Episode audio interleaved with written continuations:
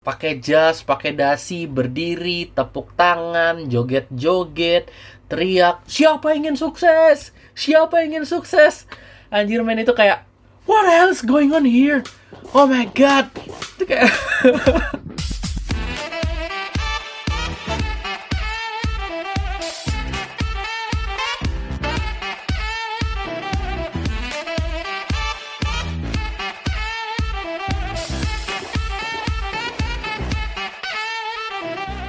Halo semuanya. Apa kabar? Well, gue ngerasa sangat produktif banget ya. Dalam dua minggu udah bikin episode baru. Anyway, podcast ini direcord di tanggal 14 Juni Jam 10 lewat 16 malam. Dan iya, kita masih di fase corona Lebih tepatnya di fase new normal. Besok mall udah buka perkantoran juga udah mulai and ya gue besok udah mulai masuk kantor dan ada sangat banyak protokoler yang harus kita ikutin.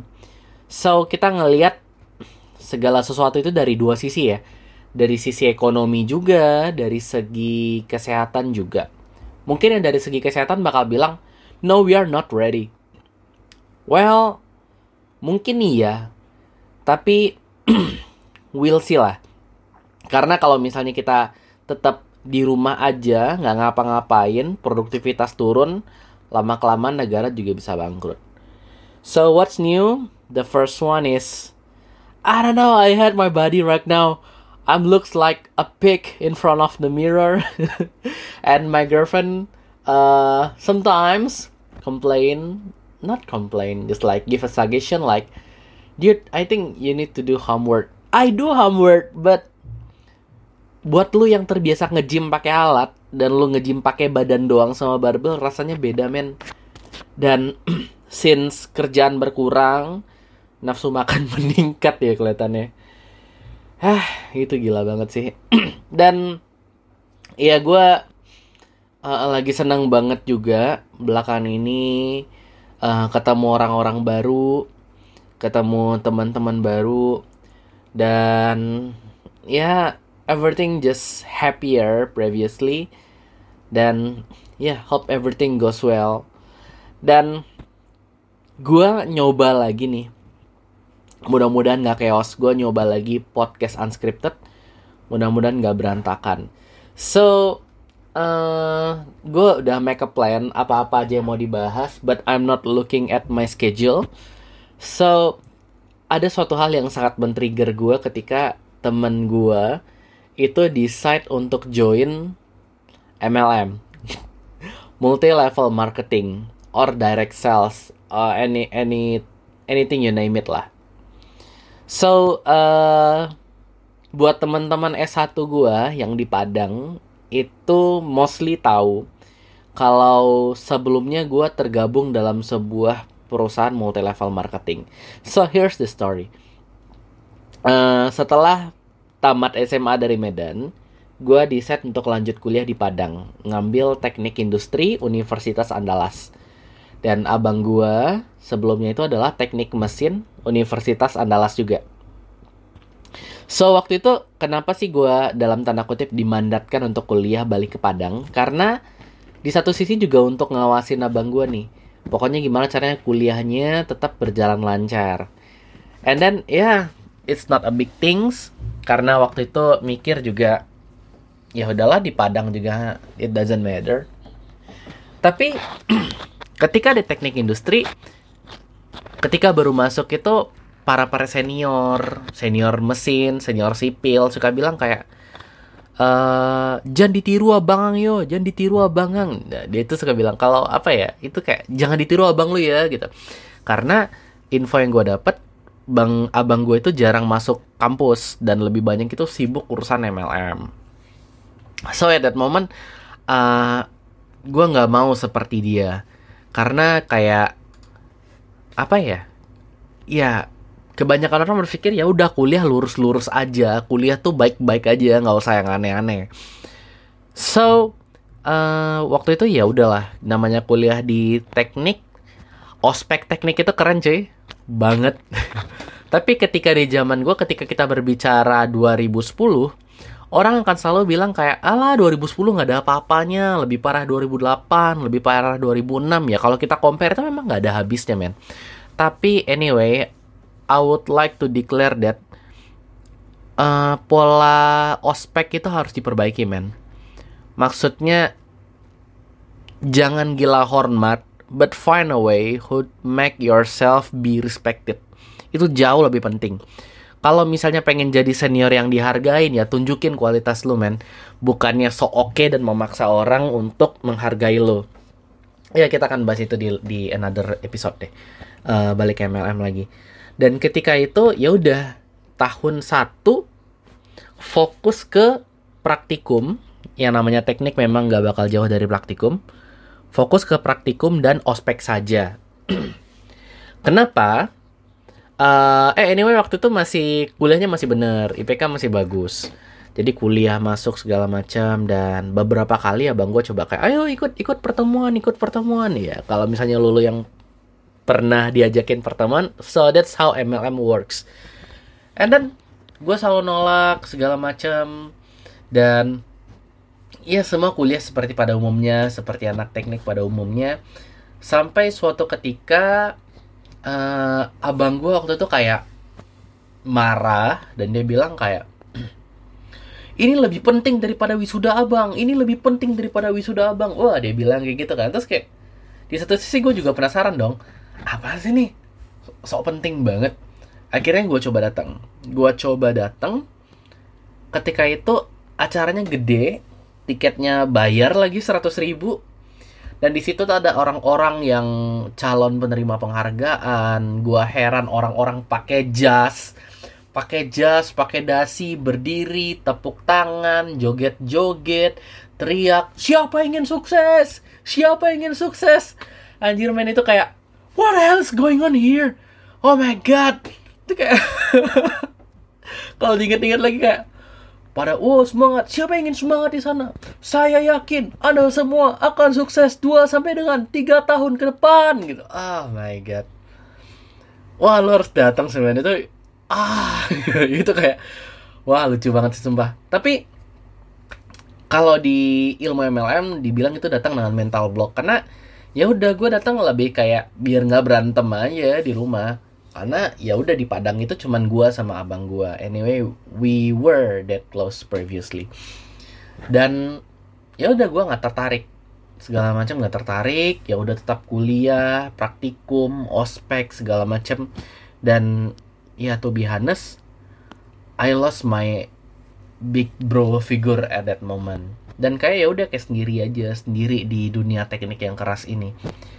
And then waktu itu kayak ya udahlah why not? Uh, ditawarin lagi ya why not? Kenapa nggak coba dengar dulu? Siapa tahu ada ilmu yang bagus di situ.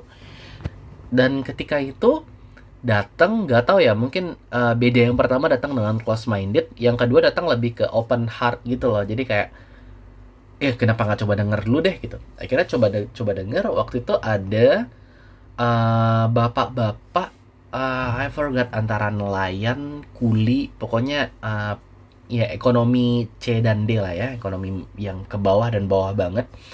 Waktu itu bilang kalau hidupnya terbantu setelah bergabung di MLM itu. Anyway, ini MLM yang gue ikutin itu adalah MLM yang konsepnya itu non-binary, jadi bisa banyak uh, downline dan juga uh, produk kesehatan dari China. Ya, you name it lah, gue yakin lo pasti tahu. And then kayak okay, this is the way how to help people. Jadi kayak kalau di bukunya Robert T. Kiyosaki, Robert T. Kiyosaki, ini adalah business for people who like helping people, MLM.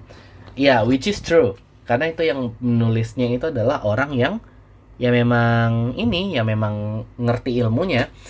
So, and then ya ya udahlah uh, join aja daripada berantem. Ya udah join join uh, diajarin lah produknya gini-gini. Ada beli ada harus beli support sistemnya harus ada beli starter packnya. Terus dan ya banyak hal dan segala macam dan kalau misalnya lu yang di MLM itu kayak wah ini kayak fresh meat nih seger. Teman-temannya masih seger dan segala macam ya waktu itu kayak awal-awal dibantuin presentasinya awal-awal temenin dan ada tuh istilahnya kalau di MLM itu kayak pasarnya jadi rusak. Karena satu dua orang tahu kita join MLM akhirnya pasarnya jadi rusak. Wah itu parah banget sih. Dan gue tuh yang bikin uh, embrace when I saw my Facebook status uh, around 2010 until 2013 I think. Kayak masa depan di tangan kita ambil keputusan ubah masa depan anda. Oh my god. Uh, gue nggak bilang itu salah ya but I think I'm overdoing it. Jadi kayak ya udah gue lebay aja. Ya udahlah ya at that moment siapa sih yang nggak alay?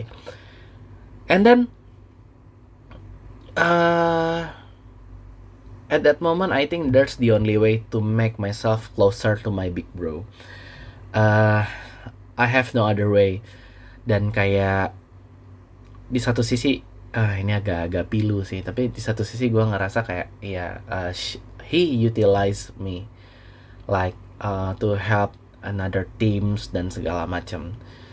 But I still doing it. Karena juga ya udah uh, MLM itu kayak lu masuk ke lingkaran setan aja men.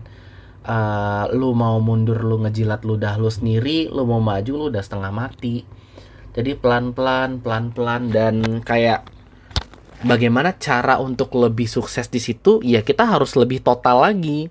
Lebih total lagi gue nggak nyalahin orang-orang yang jalankan MLM go on girl go on boy. Uh, eh, gue percaya kalau rezeki itu bisa datang lebih dari satu pintu. Ya yeah, which is true. Kita nggak pernah tahu rezeki itu datang dari mana. But at that moment I'm overdoing it. Jadi kayak ya udah kuliah itu cuman praktikum dan ospek aja. Kuliah gue tinggal. Salah gue di situ kuliah gue tinggal.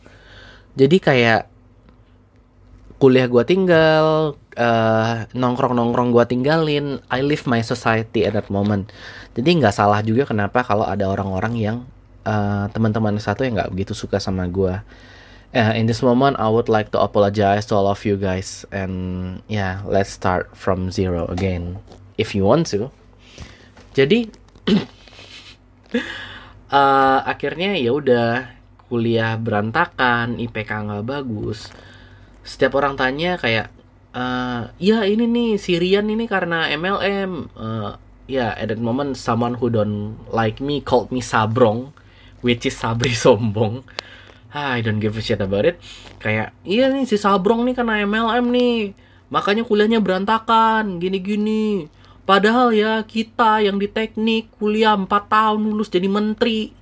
Kita lulus jadi pengusaha, kita lulus jadi orang sukses gini-gini. Dan ketika itu uh, ada dua fanatisme, fanatisme teman-teman gue yang sangat yakin lulus menjadi menteri dan gue yang sangat yakin MLM akan menjadikan gue orang super duper kaya. Karena uang itu salah satu penyebab perceraian, uang itu salah satu penyebab pertengkaran that's why I think money is better. Bahkan sampai sekarang gue yakin kalau uang itu penting. That's why kita harus manajemen duit. Dan ketika itu everything goes wrong everything jadi kayak balik lagi ini salahnya gue yang gak pandai manajemen waktu yang bagus. Teman-teman mulai meninggalkan kuliah juga nggak masuk uh, banyak bohongnya. Jadi kayak ya gue yakin lu pasti pernah deh. Kayak nggak masuk berkali-kali sekalinya masuk absen 6 sekalinya masuk absen 6 anjir.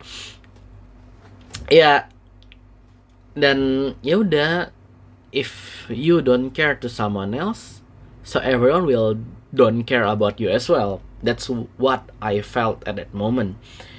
Dan kayak ya udah fokus fokus masa depan fokus masa depan. Yang agak gue sayangkan adalah uh, I'm overdoing it. Ngejalaninnya berlebihan banget. Kalau kita bicara MLM di MLM itu ada namanya istilahnya personal sales. Personal sales itu sebenarnya gimana caranya kita juga mengkonsumsi produknya. So you got the point? Jadi dari skema bisnis adalah kalau misalnya nih orang nggak produktif, setidaknya dari personal sales aja kita udah dapat omset. Sebenarnya kayak gitu pola pikirnya tapi ya udah dipertanyakanlah integritas. Kalau misalnya kita nggak belanja untuk diri sendiri hingga akhirnya menimbun produk. Yang mana mungkin produk sebelumnya juga belum habis. Akhirnya prospecting setiap hari uh, kadang ninggalin kuliah ke rumah sakit ke tempat makan so akrab dengan orang. Dan anyway mungkin karena ketika di MLM itu kesannya punya visi banget I think get a girlfriend is easier dan lu yang cuman kuliah aja. I don't know. I think it works. Dan yeah, oh my god that moment. Terus kayak IPK makin turun makin turun makin turun sampai IPK pernah 1,8 dan itu gue kayak mixed feeling itu loh. Uh, is it really works? Tapi masih tapi masih ada perasaan yakin. Karena uh, gue terbiasa kayak optimis nih uh, seorang Rian Sabri nggak mungkin nggak jadi orang. Seorang Rian Sabri itu nggak mungkin gagal. Dia punya dia punya monster di dalam dirinya. Dia punya api yang berkobar-kobar. Dia punya uh, perencanaan yang jelas. Nggak mungkin nih orang gagal nih. Dan MLM adalah salah satu cara yang paling cepat di mindset ketika itu uh, dan akhirnya uh, I do everything bikin tim tim rontok pindah MLM lain. Gue punya downline yang sekarang kerja di PLN PLN atau uh, power plant ya? Lupa deh. Yang punya hutang juga. Ya udah namanya juga downline di dimaafin diiklasin and at that moment pendapatan gua lebih kecil daripada expense gua. Income-nya lebih kecil daripada expense. So tapi anyway tadi dari tadi kesannya tuh kayak ngeluh terus ya. Tapi uh, pengembangan dirinya bagus banget men sumpah. Kalau misalnya uh, orang-orang lihat wah gila bol kok bisa supel banget sih jadi orang? Ya gua harus prospek orang men. Gua harus bisa memenangkan hati orang gue harus diajarkan mendengar, gue diajarkan mengetahui hot button orang, keresahan orang di mana. Di situ praktikal psikologi banget deh. Dan kayak gimana caranya kita bisa menyampaikan maksud kita tanpa terkesan memaksakan. Wow, that that's really good. Public speakingnya juga. Jadi kayak uh, public speaking kita terbiasa berbicara di ribuan bahkan sampai puluhan ribu orang menyampaikan visi, memberikan semangat dalam tanda kutip ya, mempengaruhi orang itu kayak praktikal doang. Eh bukan doang sih. Itu praktikal banget. Ketika kita di MLM masih ingat banget ketika itu uh, ya thank to my big bro. Uh, eh, gue kenal dengan dua orang yang tiga orang yang sangat luar biasa. Ada Rego ada Aprif dan ada Arif uh, I don't know where are you right now. Anyway Arif itu sekarang di Australia. Gue lagi make kontak sama dia lagi lagi find a way how to communicate with him again. Aprif ya itu kayak orang dengan perekonomian rendah yang pengen membantu keluarganya dari Batam. Sedangkan Rego ya Rego ya Rego. Uh, jadi kita kayak empat empat sahabat yang punya visi menjadi anak muda sukses segala macam. So when you lose your friend, you will meet your friends there. Dan jujur banget itu suasananya positif banget men. Itu kayak wah gila sih orang-orang di situ tuh positif banget. Sukses, sukses gitu. Jadi kalau misalnya lu pernah dengar kayak Anda ingin kapal pesiar, Anda ingin pesawat, Anda ingin villa mewah, nah itu MLM gue dulunya jadi kayak uh, eh, gue nggak tahu apa yang sudah dikorbankan abang gue tapi dia penerima reward ke Korea penerima reward sepeda motor dan dia itu uh, untuk di kota Padang jaringannya lumayan bagus. Termasuk yang paling bagus. Dan dia itu dua level di bawah penerima mobil Mercedes-Benz ketika itu dan kayak ya udah visi itu di depan mata di rumah sendiri. Tapi banyak hal yang orang lain tuh nggak tahu. Mereka nggak tahu kalau uh, bang Reza yang ketika itu terlihat bagus sebenarnya juga income dia masih minus. Bahkan ketika uang jajan di stop kita nggak tahu mau makan apa. Karena gua yang dikirim untuk memata-matai Bang Reza malah gua join. Hingga akhirnya kayak uang jajan kita di stop kita find a way find a way how to have lunch. Jadi kayak kita sampai jualan buku jualan materi segala macam. Pokoknya yang penting uangnya ada. Uh, sampai keluar kota presentasi bangun tim ngeyakinin orang datang jam 2 pagi untuk ngejar omset. Sebenarnya multi level marketing yang benar itu cuma dua. Yang pertama networking membangun jaringan. Satu lagi selling jualan. Jadi nggak usah malu dibilang tukang obat karena MLM gue memang jualan obat. Lu mau ngomong apa? Dan ketika itu ya memang ketemu orang-orang datang tumbuh hilang berganti. Dan mereka-mereka yang sudah cukup lama ketika mereka mundur nggak lanjut lagi kita menganggap mereka sebagai pengkhianat dan orang-orang baru selalu kita support dan ketika itu uh, kita ingin mengadakan seminar kesehatan. Pembicaranya Dr. Boyke. Dan honestly to say, gue adalah motor di situ. Gue yang punya ide, gue yang penjualan paling gede. Dan entah kenapa ini uangnya lebih nyata, men. Ini uangnya lebih kelihatan daripada gue di MLM. Gue cuma jualan tiket, gue bisa dapat BlackBerry. Di situ gue ngerasa, anjir gue udah dua tahun di MLM kok gini-gini aja ya? Uh, dulu punya tabungan sekarang udah nggak punya tabungan lagi.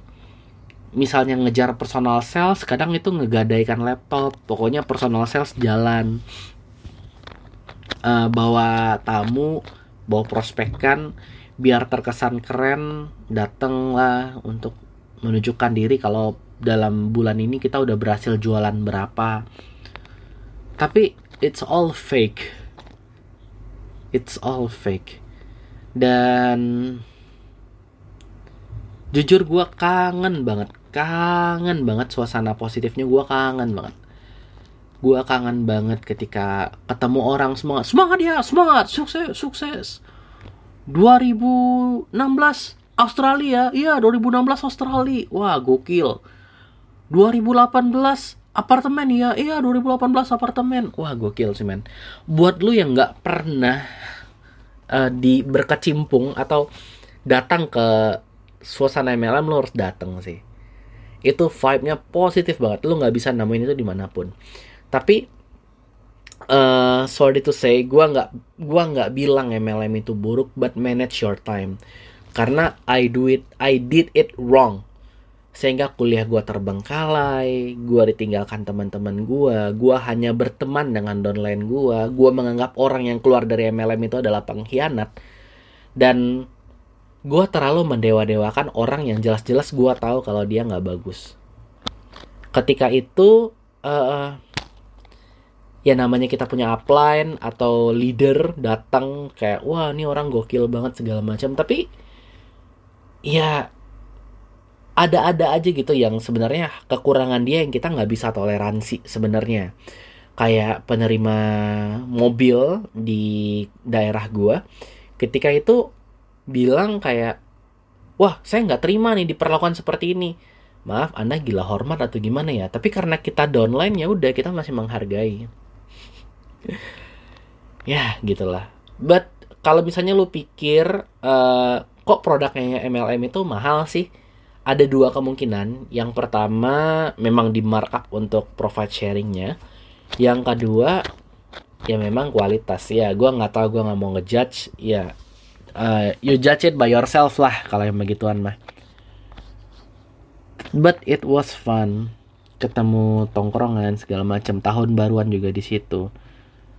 Lo dapat lingkaran kecil yang mensupport lo tapi lo kehilangan lingkaran besar lo yang dulu That's why gue nggak terlalu nyaman ngomongin teman-teman yang satu karena memang kita nggak terlalu akrab.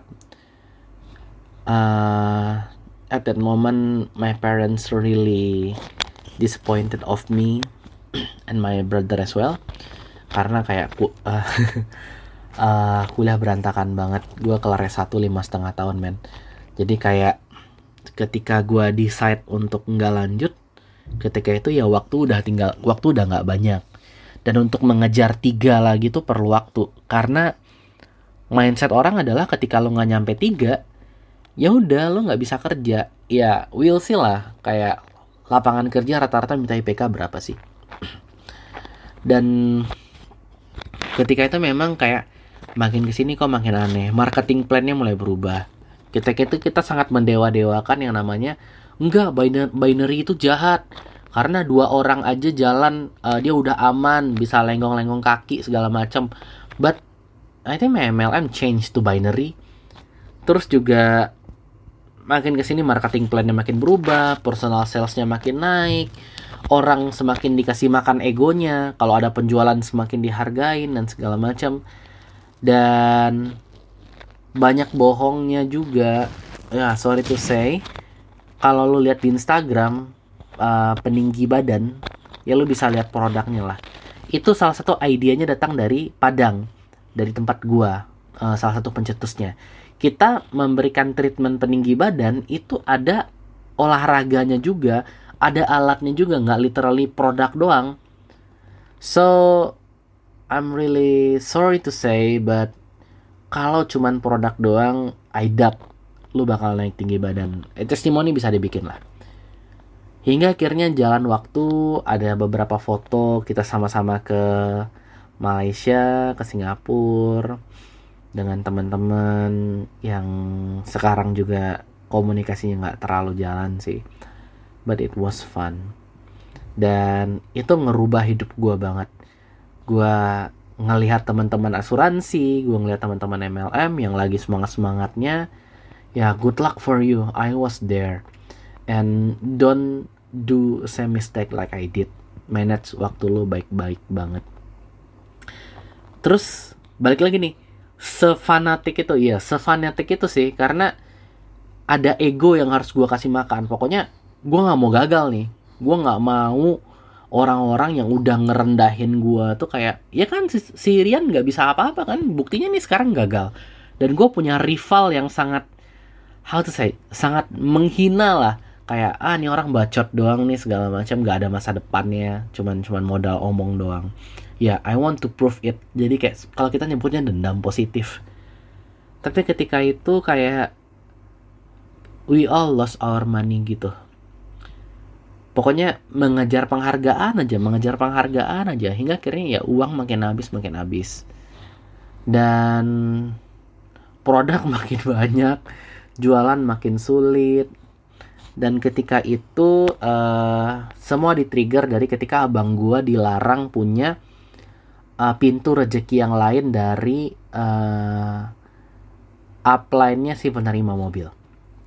Ketika itu ngerasa lah kok ini ngelarang bisnis yang lain nih, kok malah jadi takut dan dibilang nggak fokus dan ketika itu dia menginstruksikan si penerima mobil untuk mempengaruhi kita semua di bawahnya agar menjad agar tidak mengikuti langkahnya dia.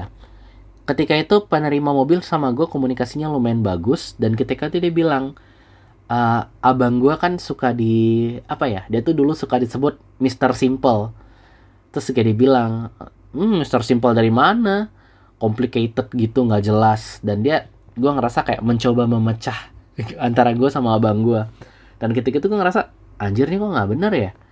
Dan segala macam. Hingga akhirnya kayak uh, nggak tahu sih kayak akumulasi aja gue cabut. Gue cabut sih. Ya what the fuck orang mau ngomong apa gue udah nggak peduli gue cabut gue udah dapat ilmunya gue udah dapat pembelajarannya gue udah dapat mentalnya. Sekarang uang gue nggak ada gue cari uang. Dan akhirnya gue cabut. Dan alhamdulillah masih ada waktu untuk memperbaiki PK ketika itu. Akhirnya abang gue udah cabut duluan terus gue cabut uh, upline-nya Bang Reza seorang dokter masih mencoba menyelamatkan. Tim-tim yang masih mau berjuang ya silahkan kita nggak nggak larang tim gue udah udah berantakan banget udah nggak ada yang tersisa sih. Tersisa gue doang ketika itu. Uh, level cukup tinggi uh, tapi tim nggak ada. Akhirnya kita akhirnya gue cabut. Mulai lagi pelan-pelan mencoba akrab dengan orang-orang. Anyway, gue tiga tahun di MLM. Kayak orang yang make a mistake dan ya gue salah ya gue gini terima gue lagi ya. Itu kayak muka mau taruh di mana anjing? Udah kayak anjir gue udah udah malu banget lah. Dan yang lebih parahnya lagi kalau di teknik itu kan ada namanya praktikum ada namanya kelas tambahan. Dan itu kelas tambahan gue pernah di kelas tambahan yang ngajar gue itu dua tingkat di bawah gue kebayang nggak lu belajar dari anak angkatan 2012, lu 2010. Dan mereka ngasih ngasih kuis, ngasih kuis ke seniornya. Itu muka mau taruh di mana anjir?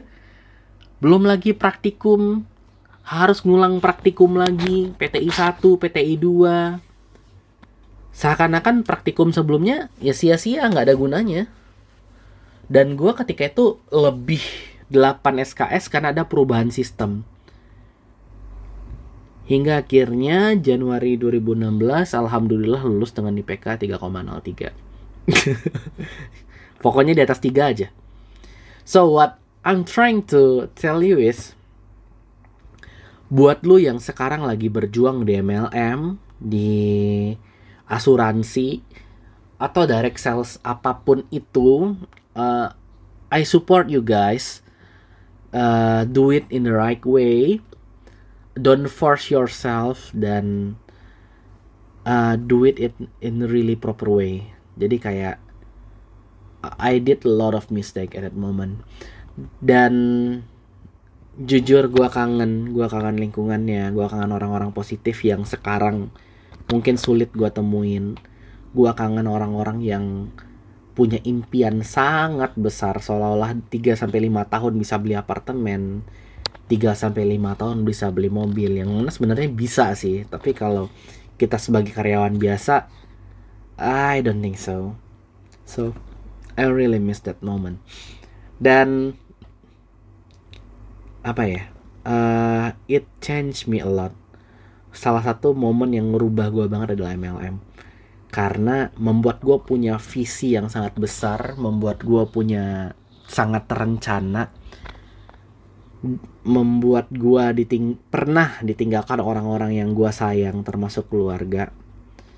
Dan membuat gua untuk membunuh ego gua yang segede gaban yang nanti akan oh tenang ntar gua jadi pengusaha lu semua jadi karyawan. Dan gua harus mengubur ego itu datang lagi ke mereka and say sorry I was wrong. Do you mind to still be my friend? Itu susah banget dan tidak banyak orang yang bisa menerima. Well, there's the thing. So, wah itu kayak oh my god, I really miss that moment. Dan gue juga ada beberapa sertifikat dan pelatihan juga, pelatihan public speaking, pelatihan produk segala macam, yang mana nggak kepake sekarang. Dulu investnya lumayan, dihitung-hitung semotor juga. Well anyway, thank you so much for listening. Dan ya balik lagi. Kalau diingat-ingat udah hampir 4 bulan ya corona ya. Dari bulan 3 sekarang udah tanggal 14 bulan 6 stay safe guys. Don't do stupid shit. And bye bye